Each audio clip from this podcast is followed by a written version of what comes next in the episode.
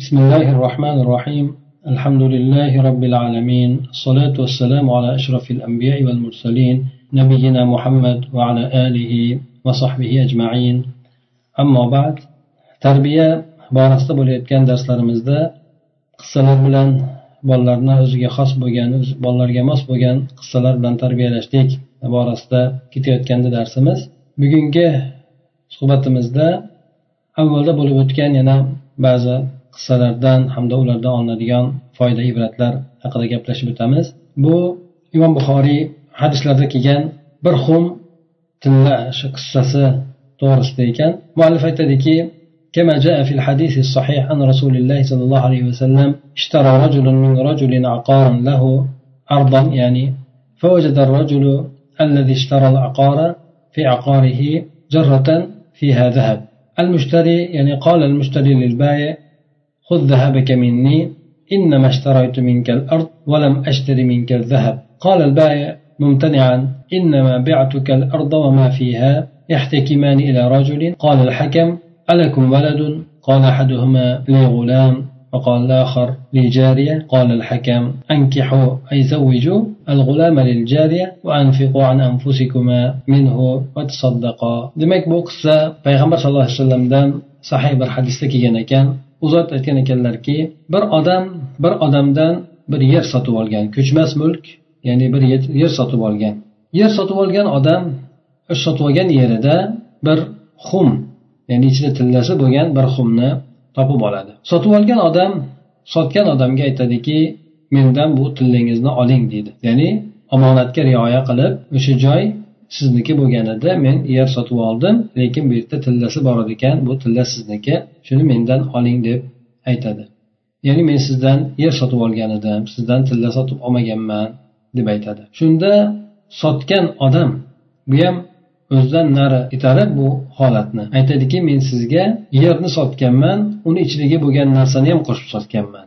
Yerniyu yerni ichida bo'lgan narsani hammasini qo'shib sotganman deb ikkalasi demak birisi olgani unamaydi birisi o'zida qoldirgani unamaydi shunday qilib ikkalasi bir odamga oldiga borib murojaat qilishadi. Ya'ni o'rtasida hakamlik qilishligini talab etishadi.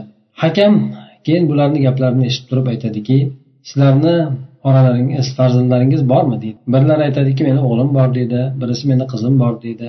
Bunda hakam aytadiki keyin o'sha bolani shu qizga uylantiringlar va o'sha tillodan o'zlaringizga ham infoq qilinglar sadaqa qilinglar deb o'rtada shunday qilib hukm chiqaradi bu qissani foydalaridan endi birinchidan adaul amanati matlubun لقول الله تعالى إن الله يأمركم أن تؤدوا الأمانات إلى أهلها ثانيا القناعة كنز لا يفنى تعود بالخير والبركة على صاحبها ثالثا مشروعية الاحتكام إلى عالم بالكتاب والسنة دون الذهاب إلى المحاكم المدنية التي تضيع الأموال وأوقات عملا بقول الله تعالى فإن تنازعتم في شيء فردوه إلى الله والرسول.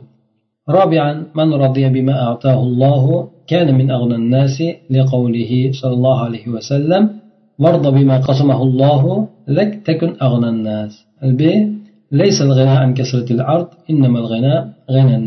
bu qissadan olinadigan foydalarni mana birinchisi omonatni ado etishlik o'zini egasiga berishlik bu talab qilingan ishdir. Bunga esa alloh taoloni ushbu oyati dalilki albatta alloh taolo sizlarni omonatlarni egalariga ado etishliklaringizga buyuradi. Ya'ni omonatlarni egalariga berishliklaringizga ado etishliklaringizga alloh taolo sizlarni buyuradi degan oyat. Albatta bu yerda omonatdorlik o'sha yerni sotib olgan odam tomonidan bo'lgan omonatdorlik bu har qancha uni qo'lidagi bo'lgan boylik ko'p bo'lmasin yerni sotib olgandan keyin bu odam bildiki o'sha avvalgi bo'lgan odamni mulki ekan bu. Demak u odam yerni sotdi lekin uni sotganini bilgani yo'q deb bu odam o'sha omonatni egasiga ko'ndalang qiladi qaytarib bermoqchi bo'ladi. Albatta mana shunday omonatdor odamlarni ko'p bo'lishligi jamiyatdagi ko'plab ishlarni ko'plab holatlarni alloh taolo tomonidan barakotli bo'lishligiga sabab bo'ladi. Bu birinchidan ikkinchidan qanoat degan narsa. Qanoat bu bitmas tuganmas boylikdir xazinadir.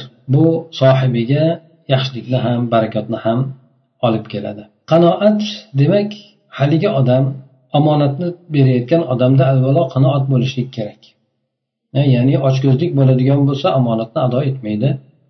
Qanoat bo'ladigan bo'lsa alloh taolo bergan narsasiga rozi bo'lgan holatda bu meniki emas deb u birovga qaytaradi. Uchinchidan mashruiyatul ehtiyam demak bir qur'oni sunnatni bilgan odamga hakam hukm talab qilib uni hakam qilishlik mashru ekanligi. Bu yerda albatta madaniy bo'lgan mahkamalarga borishlikni o'rniga deydi. Bu yerda endi mollar vaqtlar zoyi bo'lishligi mumkin. Albatta bunga alloh taoloni shu so'ziga binoanki agar sizlar biror narsada talashib tortishib qoladigan bo'lsalaringiz u narsani allohga va rasuliga ya'ni allohni shariatiga qaytaringlar deb aytilgan. Albatta bu yerda shuni tushunishimiz kerakki har bir narsani o'zini o'rni bor. Ba'zida o'sha madaniy mahkamalarga borilmasa mol zoyi bo'lib ketib qoladi. Chunki odamlar shariatga shariat bilan amal qilmayotganligi shariatni hakam qilmaganliklari sababli ba'zan inson o'sha mahkamalarga madaniy bo'lgan mahkamalarga borish orqali o'zini haqqini undirib olishlikka harakat qiladi. Albatta bu ham joiz bo'lgan amal. Modomiki shar'iy bo'lgan e, mahkamalar bo'lmasa yoki bo'lmasa e, bu nomiga bo'lib turib bu adolat bilan hukm qilmaydigan bo'lsa shuni o'zini haqqini undirib olishligi uchun madaniy bo'lgan mahkamalarga murojaat qilishligi mumkin bo'ladi. Bu yerda aytib o'tganimizdek bu odam o'zini haqqini undirib olishlik uchun murojaat qiladi birovni haqqini o'ziniki qilib olishligi uchun emas. To'rtinchidan kimki alloh taolo bergan narsasiga rozi bo'ladigan bo'lsa bu odamlarni ichida eng boyi bo'ladi. Chunki alloh taolo hammaga har xil qilib taqsim qiladi. Alloh bergan narsasi bandani o'ziga yetarli bo'ladi. Ana o'sha narsaga rozi bo'ladigan bo'lsa bu boshqalarga muhtoj bo'lmaydi. Odamlardan o'zini tortadi. Shuning uchun odamlardan boyrog'i bo'ladi. Puli ko'payib ketmasa ham lekin qalbi ochko'z emas. Shuning uchun odamlarni boyrog'i deydi. Payg'ambar alayhissalom bu hadislarda keltirganki alloh taolo taqsim qilgan narsaga sen rozi bo'lgin shunda odamlarni ichida eng boyi bo'lasan. Chunki odam ochko'z bo'lib qolishligi alloh taolo taqsim etgan narsaga noroziligidan kelib chiqadi. Undan keyingi mana hadisda keltiradiki boylik degani bu tovarlarni yoki mol dunyolarni ko'pligi bilan emas balki haqiqiy boylik bu qalbni boyligidir. Qalb qanoatidir qalbni boy bo'lib turishligidir qalbi ochko'z bo'ladigan bo'lsa uni har qancha million milliardlab puli bo'lmasin baribir bu odam kambag'aldek o'zini his qilaveradi beshinchidan لا بد أن يصل إليك في وقته ومقداره قال رسول الله صلى الله عليه وسلم لو أن ابن عاد آدم هرب من رزقه كما يهرب من الموت لأدركه رزقه كما يدركه الموت قال شيخ الألباني رحمه الله رواه الطبراني في الأوسط والصغير بإسناد حسن rizq taqsimlangandir alloh tomonidan avvaldan belgilab berilgan belgilab qo'yilgan albatta bu rizq sizga o'zini vaqtida belgilangan miqdorida kelishligi chorasizdir mana rasululloh alayhi vasallam aytganlarki agar odam farzandi rizqidan qochadigan bo'lsa xuddi o'limdan qochgani kabi rizqidan ham qochadigan bo'lsa o'lim yetib borgani kabi rizq ham yetib boradi rizq ham demak inson tomonidan belgilab berilgan bo'lsa o'sha odamga albatta uni rizqini birov yeyolmaydi uni rizqi o'sha odamni izlab baribir boradi. Alboniy rahmaulloh bu hadis borasida aytgan ekanlarki imom tabaroniy ikki kitobidan mojamul avsat mojamul sag'ir shu kitoblarida mojamul kabir degani bor. Undan tashqari demak o'rtasi bilan kichik mojamlarda rivoyat qilgan ekan. Bu roviylarni darajasiga qarab turib allohu alam bu shunday taqsim qilgan katta bo'lgan darajadagi o'rta hamda kichikroq bo'lgan darajadagi bo'lgan roviylarni e'tibor bilan rivoyat qilganlar bunda demak o'rtanchi bilan kichkina bo'lgan roviylar darajasidagi rivoyatida hasan darajasidagi san'at bilan bu kishi rivoyat qilgan ekan oltinchidan alal muslimi an yaqa an yaqna bil halal ويترك الحرام والطمع فيما ليس له ويأخذ الأسباب المشروعة للرزق وأن العمل الصالح يكفل له السعادة في الدنيا والآخرة قال النبي صلى الله عليه وسلم اتقوا الله وأجملوا في الطلب musulmon odam halol bilan qanoatlanishligi lozim bo'ladi haromni tark etishligi ham o'ziniki bo'lmagan narsalarga ta'magarlik qilishligini ham tark etishligi musulmonga lozim bo'ladi shu bilan birgalikda musulmon odam rizq uchun mashru bo'lgan sabablarni olishlik qilishlik kerak. Tirikchilik yo'lida harakat qilishlik kerak. Solih amal esa inson uchun dunyo oxiratdagi saodatni kafolatlaydi. Yaxshi amallarni qilishligi shu dunyoda ham oxiratda ham insonga baxt saodat keltiradi. Payg'ambar alayhisalom aytganlar alloh taolodan qo'rqinglar hamda sizlar rizq talab qilishlikda chiroyli qilinglar halol yo'llari bilan izlanglar deb bu kishi aytganlar. Qanday to'g'ri kelsa emas balki halol bo'lgan yo'llar orqali rizqni izlanglar deb aytganlar. Yettinchidan al hukmul adil yurdil muhtakimin adolatli bo'lgan hukm hukm talab qilgan odamlarni talab qilib kelgan odamlarni hammasini rozi qiladi. Chunki adolatli hukmda bir biron tomonga zulm qilinmaydi. Ana shuning uchun hakam talab qilib kelgan odamlarni rozi bo'lishligiga olib boradi. Sakkizinchidan sakkizinchisida inson o'ziniki bo'lmagan narsalarda tama qilmasligi demak o'zini inson o'ziniki bo'lmagan narsani omonat bilib turib egasiga qaytaradigan bo'lsa bu odam unday holatda tama qilmaydi chunki tama qilsa egasiga qaytarmas edi shu egasiga qaytarishligini sababi bu odam tamagar ochko'z emasligidandir كيف نربي أبناءنا على مراقبة الله وأن الله معنا ويراقبنا endi biz qanday qilib farzandlarimizni alloh taolo kuzatib turganligiga alloh taolo biz bilan birga ekanligiga alloh taolo hamma narsani nazorat qilib turgan ekanligi asosida qanday qilib farzandlarimizni tarbiyalaymiz deydi. Demak bundan inson avvalo farzandlarni ko'nglini to'q qilib tarbiya qilishlik kerak. Ko'nglini to'q qilib undan keyin alloh taolo bergan rizqlarga shukur aytishlik shunga qanoat qilishlik bilan ana undan keyin esa nima omonat beriladigan bo'lsa egalariga qaytarishlik. Siz omonatimi mulk omonatimi yoki bo'lmasa boshqa bir omonat turlarimi albatta o'sha omonatlarni saqlashligi va o'zini egasiga ado etishligi mana shu asosida farzandlarimizni tarbiyalashligimiz kerak bo'ladi yuqorida aytib o'tgan tarbiyaviy tomonlari foydalari esa bu o'sha yo'lda bizga yordamchi bo'ladi ana undan keyingi hissamizda ibn umar abdulloh ibn umar roziyallohu anhu bilan qo'ychivon orasida bo'lib o'tgan qissa ekan muallif aytadiki ذكر هذه القصة ابن الجوزي رحمه الله في صفة الصفة قال نافع خرجت مع ابن عمر في بعض نواحي المدينة ومعه أصحاب له فوضعوا سفرة فمر بهم راعي فقال له عبد الله هلم يا راعي؟ فأصب من هذه السفرة فقال إني سائم. فقال له عبد الله في مثل هذا اليوم الشديد الحاره وأنت في هذا هذه الشعاب في آثار هذه الغنم وبين الجبال ترعى هذا الغنم وأنت صائم. فقال الراعي أبادر أيامي الخالية. فعجب ابن عمر وقال هل لك أن تبيعنا شاة من غنمك؟ نجتزرها ونطعمك من لحمها. ما تفطر عليه ويعطيك ثمنها؟ قال إنها ليست لي إنها لمولاي. بوكسنا ابن جوزي رحمه الله. صفة الصفة degan kitobida zikr qilgan ekan sifatu soffa ya'ni tanlangan odamlarni sifatlari degan mazmundagi sahobalarni yaxshi kishidan keyingilarni ulardan keyingilarni tarixlarini qisqaroq suratda aytib o'tilgan kitob endi bu.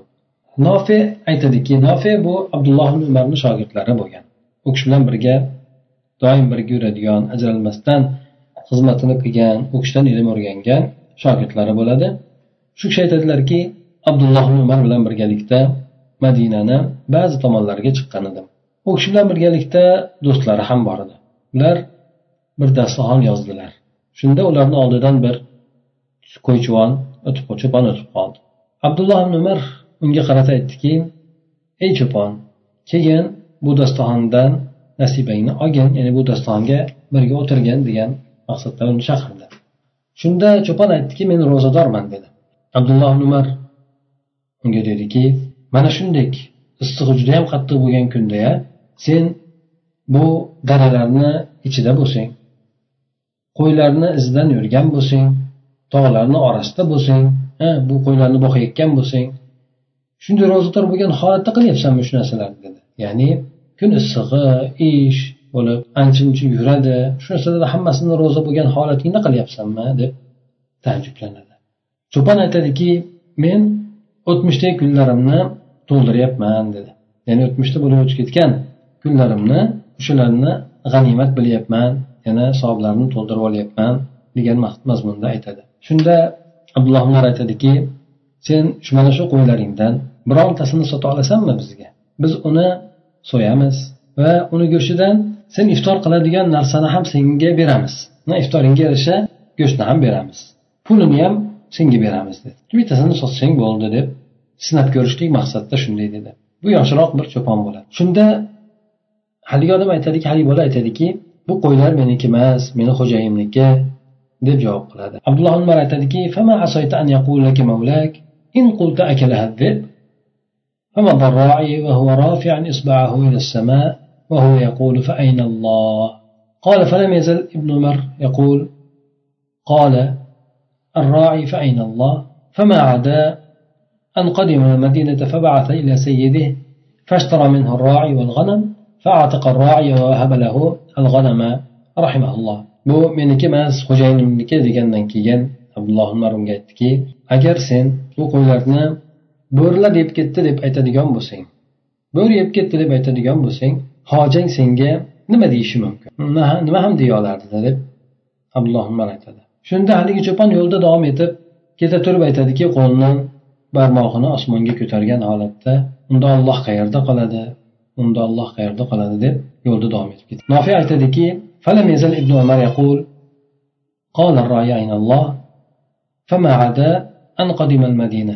demak nofiy aytadiki ibn umar shunday deb aytib davom etdi ya'ni cho'pon aytdiki olloh qayerda cho'pon aytdiki olloh qayerda olloh qayerda deb shu cho'ponni aytgan gapini takrorlab takrorlab davom etdi Bu kishi madinani kelishlikdan o'tmadi ham madinaga kelgan zahotiyoq o'sha bolani hojasiga odam yubordi.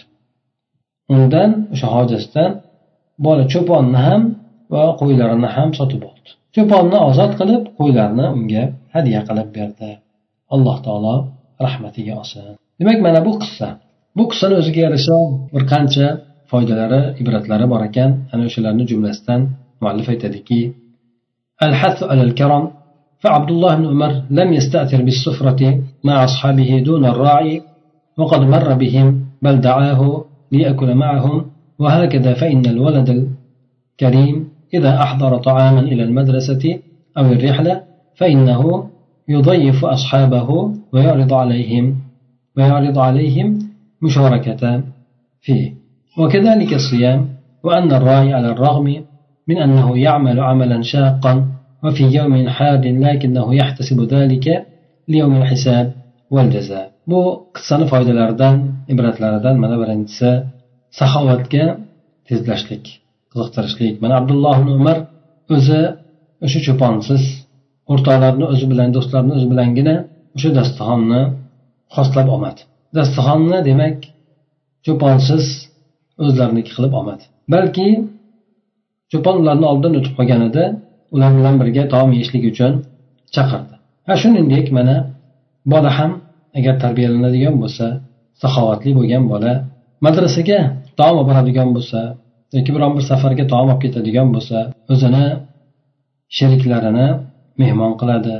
Ularga o'sha taomida olib borgan narsasida sherik bo'lishlikni ko'ndalang qiladi. Ya'ni bolani ham biroz saxovatliroq qilib qo'li ochiq qilib tarbiyalashlik kerak bo'ladi shuningdek ro'za masalasi ham mana cho'pon bola u juda og'ir mashaqqatli ishlarni qilishligiga qaramasdan bo'lib ham issiq kunda shunday ishlarni qilishligiga qaramasdan lekin u o'sha qiyomat kuni hisob kuni uchun o'shani ajrini umid qilar edi وكيف أن ابن عمر رضي الله عنهما أحب أن يختبر أمانة الراعي فأعجبه جوابه وقيل إنه بكى لقول الراعي وهو رافع إصبعيه إلى السماء فأين الله؟ وهنا درس عظيم عظيم آخر عظيم آخر وهو تنمية الصلة بالله وخشيته في الغب والشهادة وغرس روح المراقبة في النفوس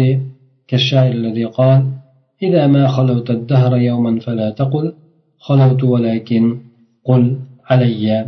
رقيب ولا تحسبن الله يغفل ساعة ولا أن ما تخفي عليه يغيب qanday qilib mana ibn umar roziyallohu anhu cho'ponni omonatdorligini sinab ko'rishlikni xohladi ana o'shanda cho'pondan kelgan javob bu kishini ajablantirdi aytiladiki bu kishi o'sha cho'ponni aytgan gapiga yig'lagan ekan ya'ni cho'pon qo'lini osmonga ko'targan holatda barmog'ini osmonga ko'targan holatda olloh qayerda deb aytgan gapi uchun yig'lagan ekan. O'shandan ta'sirlanib. Mana bu yerda yana bir boshqa bir buyuk bir dars borki bu ham bo'lsa olloh bilan bo'lgan aloqani kuchaytirishlik hamda g'oyibdayu voqelikda ko'rinib turgan o'rinlarda allohdan qo'rqishlik hamda nafslarda qalblarda alloh taoloni kuzatib turgan ekanligi ruhiyatini ekishlik. Mana shu narsalar demak katta bir buyuk dars ekan. Shoir aytadiki ya'ni sen biron bir davr biron bir kun xoli bo'ladigan bo'lsang o'zing xoli qoladigan bo'lsang aytmaginki men o'zim xoliman deb aytmagin lekin aytmaginki meni ustimda kuzatuvchi borgan deb aytgin. Ya'ni o'zim xoli qoldim yolg'izman deb aytmagin lekin men ustimda kuzatuvchi borga deb aytgin. Har doim demak seni ustingda kuzatuvchi bordi. Alloh taoloni biron bir soat ham g'aflatda qoladi deb o'ylamagin.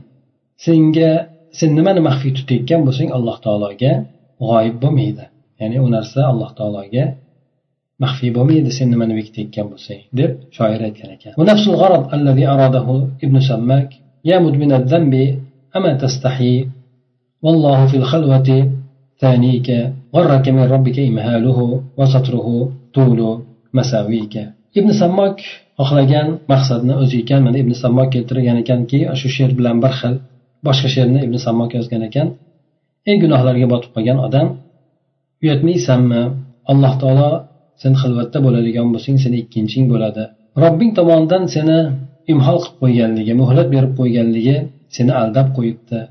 Allohni satri esa seni yomonliklar uchun uzundir. Ya'ni alloh taolo seni yomonliklarni satr qilib qo'yibdi. Shu narsa seni aldab qo'ymasin deb aytgan ekan. وفي القصة العاقبة الحميدة لمن نال هذه الصفات فالراعي الذي سمعنا عنه في هذه القصة كان عاملا يأكل من تعب يده. برعي الغنم كان مع ذلك عابدا يصوم في النهار حتى في الأيام الحارة وكان أمينا في عمله يراقب الله عز وجل في نفسه وأن أن مطلع عليه فصلته بالله وأنه مطلع عليه فصلته بالله قوية ولذلك رفض المكسب الحرام مع أنه قادر عليه ومتمكن منه ولم يستغل عمله وأمانته ولم يسرق منها فعاقبه الله الحسنى فعندما رأى عبد الله بن عمر تلك الصفات أعتقه واشترى له الغنم ووهب له. فمن عبد يرعى غنم صاحبه إلى حر يملك حلالا كثيرا. mana bu qissada maqtovli oqibat bor ya'ni o'sha ega bo'lgan odamlar uchun yuqorida aytib o'tilgan muroqaba yana allohga bog'lanishlik. Mana shunday sifatlar uchun maqtovli bo'lgan oqibat bor. Biz mana bu qissada u haqida eshitgan cho'pon bu qo'y boqishlik bilan o'z qo'l mehnatidan tirikchilik qilib yeydigan bir xizmatkor edi. Shu bilan birgalikda u kunduz kunlari ro'za tutadigan banda ham edi. Hatto issiq kunlari bo'lsin. O'zini ishida juda omonatdor edi. Alloh taoloni o'zidayu o'zida muroqaba qilib kuzatar edi. Alloh taolo kuzatib turganligini o'zida his qilar edi. Alloh taolo undan xabardor bo'lib turganligini his qilar edi. Buni allohga bo'lgan aloqasi kuchli edi. Shuning uchun harom bo'lgan kasbni rad etdi. U o'shanga qodir bo'lib o'shanga imkoniyati bemalol bo'lib turgan bo'lishi bilan birgalikda harom kasbni rad etdi. O'zini amalidan ishlab turgan ishlab turishidan omonatidan foydalanib qolmadi. Undan biron narsani o'g'irlamadi. alloh taolo esa uni oqibatini chiroyli qildi abdulloh ibn umar roziyallohu anhu o'sha sifatlarni bu cho'ponda ko'rgach ozod qildi uni va unga qo'ylarni ham sotib olib hadya qilib berdi demak bu banda qo'ylarni egasini qo'ylarini boqadigan qullikdan ko'p halol mol mulkka ega bo'lgan hurga aylandi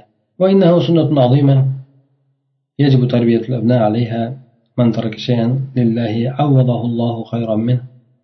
إنه قاعدة لو شربها أطفالنا منذ الصغر لجنبتهم الكثير من الحرام والمنكرات في الكبر. تربية الأبناء على تجنب الغش وتحريمه. demak bu yerda buyuk bir sunnat borki bolalarni o'sha asosda tarbiyalashlik lozim bo'ladi bu sunnat kimki alloh uchun biron narsani xudo uchun tark qiladigan bo'lsa alloh taolo u bandaga undan ko'ra yaxshiroq bo'lganini evaz qilib beradi. Yana bu shunday bir qoidaki agar bolalar uni yoshligidan boshlab ichib yuboradigan bo'lsa ya'ni shu bilan mahkam shug'ullanadigan bo'lsa o'zini o'ziga singdiradigan bo'lsa bu narsa ko'plab bolalarni ko'plab harom bo'lgan munkar bo'lgan ishlardan hatto yosh kattaligida ham chetlantiradi bolalarni mana bu o'rinda yana shuningdek aldovdan chetlanishlik asosida o'sha narsani harom deb bilishlik asosida bolalarni tarbiya qilishlik deydi. لما نهى عمر رضي الله عنه في خلافته عن خلط خلط اللبن بالماء وخرج ذات ليلة في حواشي المدينة وأسند ظهره إلى جدار ليرتاح فإذا بامرأة تقول لابنتها ألا تمذقين اللبن بالماء قالت الجارية كيف أمذق وقد نهى أمير المؤمنين عن المذق فقالت الأم فما يدري أمير المؤمنين فقالت الجارية إن كان عمر لا يعلمه فإله عمر يعلم ما كان ما كنت لا أفعله وقد نهى عنه عمر رضي الله عنه o'zini xalifaligida suvni sut bilan alishtirib olishlikdan qaytargan paytda qaytargan edi va bir kecha madinani tashqarilaridagi bir aylanib chiqib aylanib yurishlik asnosida o'shani orqasini bir dam olishlik uchun devorga suygan paytida qarasa bir ayol o'zini qiziga aytayotgan ekan. Sutga suv aralashtirmadingmi? Aralashtirmaysanmi? deb aytayotgan ekan. Shunda haligi qiz aytdiki qanaqa qilib aralashtiraman? Amirul mo'minin bunday aralashtirishlikdan qaytarib qo'ydiku deb javob qiladi. Shunda ayol aytadiki amirul mo'mininni nima bildiradi? Ya'ni amirul mo'minin buni qayerdan biladi? sen aralashtirib qo'yadigan bo'lsang qayerdan bilib o'tiribdi shunda haligi qiz aytadiki agar umar bilmaydigan bo'lsa bu narsani lekin umarni ilohi ya'ni xudosi bu men qilayotgan narsalarni bilib turadi darhaqiqat o'shandan qaytarib qo'ygan deb qiz javob qiladi فوقعت مقالتها من عمر فما أصبح دعا عاصم ابنه فوصفها له ومكانها وقال اذهب يا بني فتزوجها فتزوجها عاصم بن عمر فولد له بنتا فتزوجها عبد العزيز ابن مروان بن حكم فأتت بعمر ابن عبد العزيز u qizni aytgan gapi umarni umarga ta'sir qiladi tong otgan paytida umar o'zini farzandi osim degan farzandini chaqiradida unga o'sha qizni sifatlab beradi turgan joylarini ham sifatlab beradi aytadiki ey bolam borgin u qizga uylangan deydi Shunda osim umarni farzandi osim demak o'sha qizga uylanadi. U qiz bir farzand ko'radi tug'ib beradi. Bu farzandga esa bu qizga abdulaziz ibn marvon uylanadi.